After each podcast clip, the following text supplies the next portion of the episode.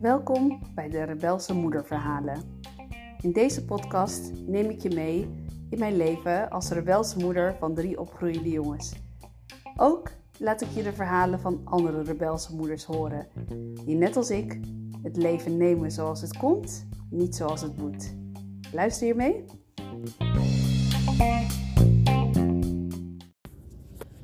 Hallo, hallo. Ik dacht weer tijd voor een podcast. Want ik heb gisteren iets enorm bolds gedaan.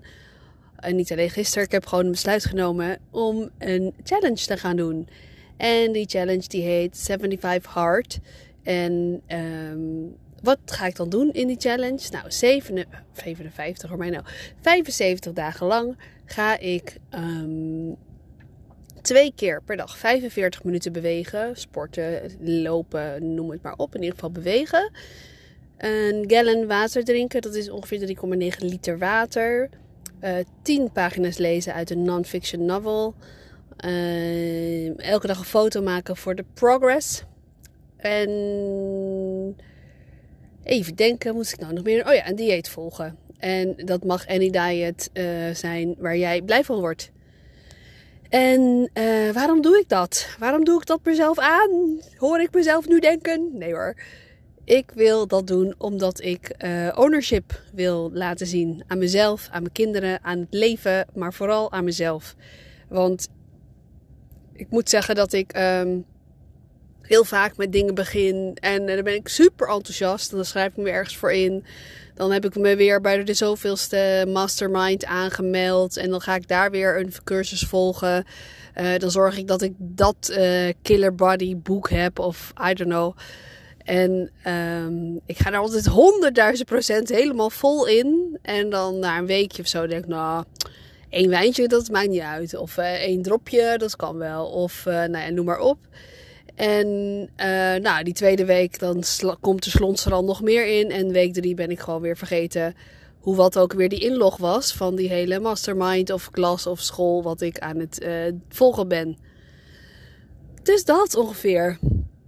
En ik moet zeggen dat ik het afgelopen jaar zoveel laagjes heb afgepeld. Elke keer mezelf weer tegenkom. En elke keer mezelf weer zie als dat watje of die loser die nou weer dat niet afmaakt. En um, dat is klaar. Dat is klaar. En ik heb mezelf eh, wat te bewijzen. Nou ja, niet alleen mezelf. Ja, wel alleen mezelf wat te bewijzen. Dat ik dit gewoon kan. Dat ik die leadership pak. Dat ik dit gewoon ga doen. Dat ik mijn uh, woord serieus ga nemen. En het gaat niet zozeer over het feit dat ik uh, af wil vallen of een gezonde levensstijl wil. Tuurlijk gaat het daar ook om. Maar het gaat vooral om het feit dat ik uh, die rol wil pakken. Dat ik wil laten zien dat 75 dagen iets doen, in dit geval, of een challenge doen, of iets doen wat, wat je met jezelf afspreekt, dat alleen jij daar verantwoordelijk voor bent. En dat je niet uh, de externe factoren daar uh, de schuld van mag geven. Of opeens had je geen tijd. Of er is een lockdown. Of er is, uh, I don't know, ik had geen groente in huis. Nee, dat is allemaal mindset en mindfucks die we ons allemaal gewoon zelf toelaten te horen en te zien. Want ja, als er jij geen groente in huis had, ja, dan kon je natuurlijk ook geen salade maken. Dat is niet, daar kan jij voor de rest niks aan doen. Of als jij geen, uh, uh, op, dat je iets vergeten bent, omdat opeens je kinderen thuis zijn met de lockdown en je moet ze helpen met school. Ja, dat is niet, uh, komt niet door jou, hè? Dat is niet jouw pakje aan. Dus ja, dan kan je natuurlijk die challenge helemaal niet doen. Want de omstandigheden zijn er niet naar. En um, jouw uh, leven, daar past het opeens niet in. Of uh, je moet nog de hond uitlaten voor de avondklok. Of, nou ja, er zijn natuurlijk duizenden excuses die we met z'n allen verzinnen. Tenminste, ik spreek vooral natuurlijk voor mezelf. Want ik ben daar echt de queen of excuses in. En uh, door dit jaar, afgelopen jaar, mezelf elke keer de vraag te stellen: uh, waarom doe je dit? Waarom wil je dit nu doen? Dus in dit geval, voor deze challenge, heb ik als allereerste gevraagd: wat is je why? En waarom doe je de dingen? Why in God's name ga je jezelf 75 dagen dit uh, opleggen? Mijn why is echt die leider, het leiderschap pakken. Het leiderschap van mijn leven. Het CEO zijn van mijn bestaan. Want ik heb de touwtjes in handen. En ik kan het of laten vieren, ik laten glijden allemaal en denken van, nou ja, ik zie wel. Nou, dan is mijn leven chaos. Dan ben ik onderweg en dan ga ik nergens naartoe. Of waar ga ik dan naartoe? Of wat wordt er dan? En wat kan ik dan verwachten van mezelf? Of ga ik um, structuur aanbrengen en ga ik um, zorgen dat, uh, dat het wel makes sense, zeg maar. En ga ik dat mijn kinderen meegeven? Of uh, laat ik ze zien van ja, weet je, je kan ergens aan beginnen, maar je hoeft toch niet af te maken, want uh, doet je moeder ook. En dat vind ik eigenlijk wel het stukje mooi naar het moederschap. Dat ik dus gewoon mijn kinderen dit opnieuw mee wil geven. En dat ik nu, ik ben bijna 44, dat ik dat nu leer. Uh, wat ik daar aan, aan hen in mee wil geven, is dat het niet uitmaakt hoe oud je bent. Dat je dus gewoon je dingen op mag pakken en kunt pakken. En dat er altijd een punt in je leven komt waar jij um, jezelf helemaal gaat omarmen. En ik hoop en ik gun ze dat, hun, dat, dat zij dat um, wat eerder doen in hun leven. Want ik moet zeggen dat het mij best wel heel veel nou ja, bloed, zweet en tranen heeft gekost om dat te snappen. En dat komt natuurlijk omdat ik in een hele andere tijd ben opgegroeid. Je ziet het alleen al aan het onderwijs. Bij ons was er gewoon, had je een juf en een meester die stond voor de klas. En die ging dan een verhaal vertellen. Of nee, niet eens een verhaal vertellen. Die vertelde, zo gaan we het doen. Stap A, B, C, hup, go. En als jij dacht, ja, maar ik dacht als je op B nog even een ander idee had. Dan zei ze, nee, we gaan gewoon doen. We doen het die weg, want zo moet het. En uh, nog niet zo lang geleden ben ik een uh, opleiding weer gaan volgen. Nou, ik geloof dat die leerkracht alleen maar zei: Wat vind je er zelf van? Wat is jouw idee daarover? En toen dat ik wel eens miste van: joh, geef me gewoon een stappenplan zoals het moet. Want daar kan ik wat mee. Daar kan ik dan weer van afwijken aan in de dingen wat ik, hoe ik het voel.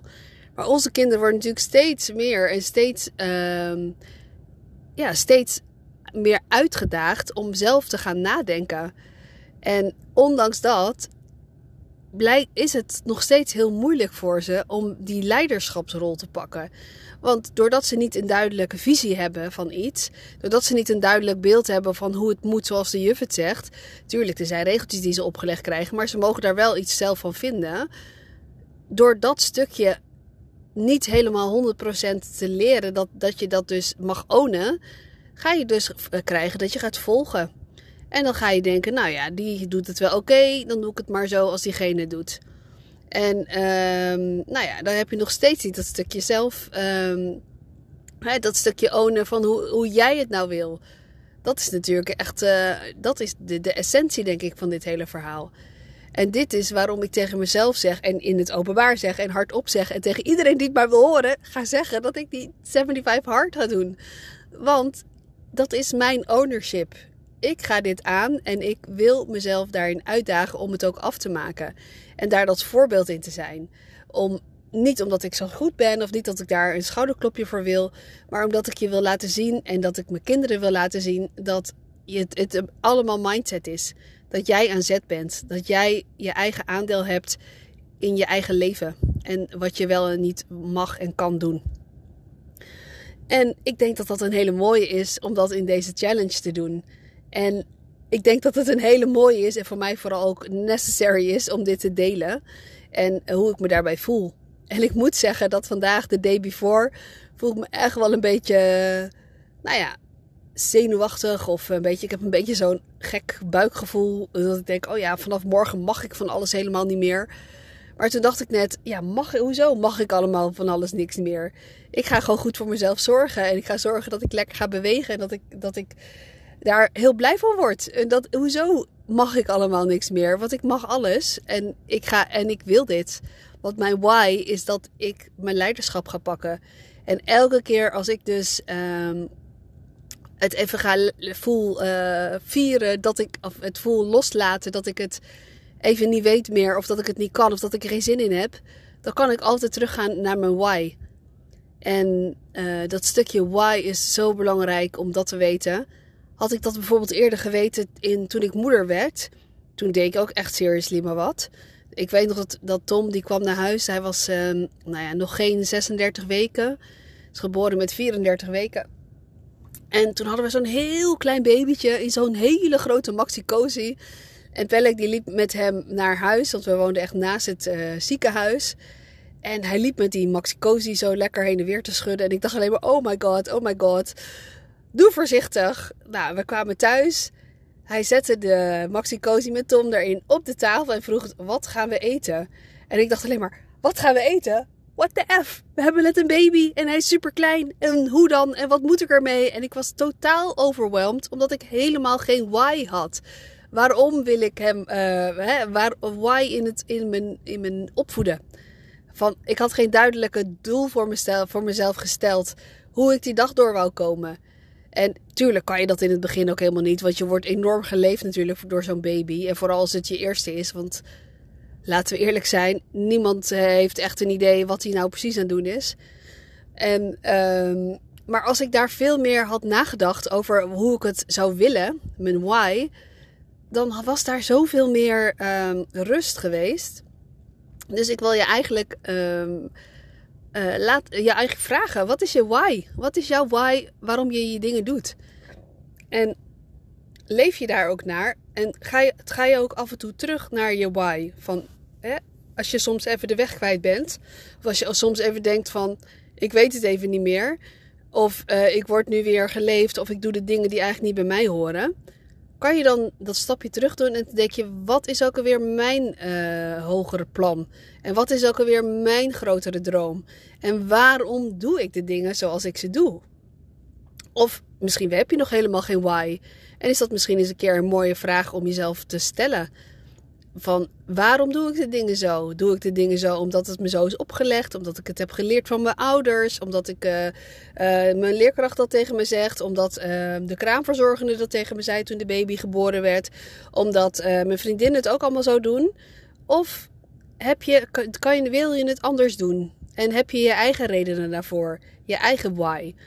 En misschien is dat wel heel fijn om daar eens een keer over na te denken als je dat nog niet hebt gedaan waarom je dingen doet. Want dat geeft zoveel rust. Je kan daar altijd naar terug uh, pakken en vanuit daar je beslissingen nemen.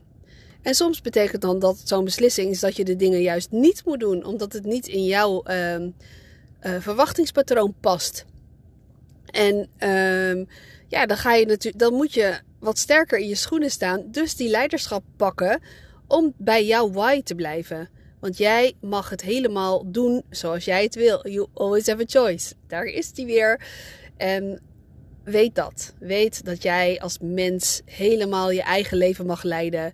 Zonder dat je we worden natuurlijk nu onwijs uh, uh, ja, ge, geleefd. We hebben niet zo'n vrijheid meer op dit moment. Want we mogen heel veel dingen niet. Maar die dingen die we dan nog wel mogen Doe je dat hoe jij het wil? Of denk je van nou, die, die juf, die klas, die zeg maar dat ik dat nu moet inleveren, maar het lukt helemaal niet en mijn kinderen hebben er geen zin in. En het moet, het moet, het moet. Of denk je van nou, weet je wat, ik doe het op mijn manier. Ik volg het lijstje en ik zorg dat die kinderen af hebben wat ze af moeten hebben. En um, dat is ook oké. Want ik sta daarachter. Of die vrijheid die ons nu soort van wordt afgenomen, op wat voor manier dan ook kan jij zien dat er nog wel dingen zijn die je wel kan. En kan jij zien dat je daar helemaal jouw keuzes in mag maken. En kan je zien dat ja, je wordt beperkt in de dingen. Maar kan je zien dat die vrijheid vooral in jezelf zit. In die keuzes die jou, jij maakt. In jouw why. Ik dacht dat is wel eens een keer een mooie vraag voor op deze zondagmiddag. Want het is vandaag zondag 31 januari. Morgen weer een nieuwe maand, 1 februari. Wat gaat het toch snel? En wat is het weer nog steeds een gek leven waar we in zitten met z'n allen. Nou, ik zou zeggen, geniet van het prachtige weer wat het vandaag is. Het is super koud, maar mooi zonnetje. En uh, we gaan weer de goede kant op. De dagen worden weer langer. We kunnen weer uh, vooruitkijken naar wat onze why is en wat helemaal bij jou past. Ik ben benieuwd of je hier iets van vindt. Laat het me weten op de bekende kanalen. Ik kan me altijd vinden op Instagram, Club voor Rebelse Moeders. Info at is mijn, kan je me naar mailen. En ik ben heel benieuwd wat jouw why is. Let me know.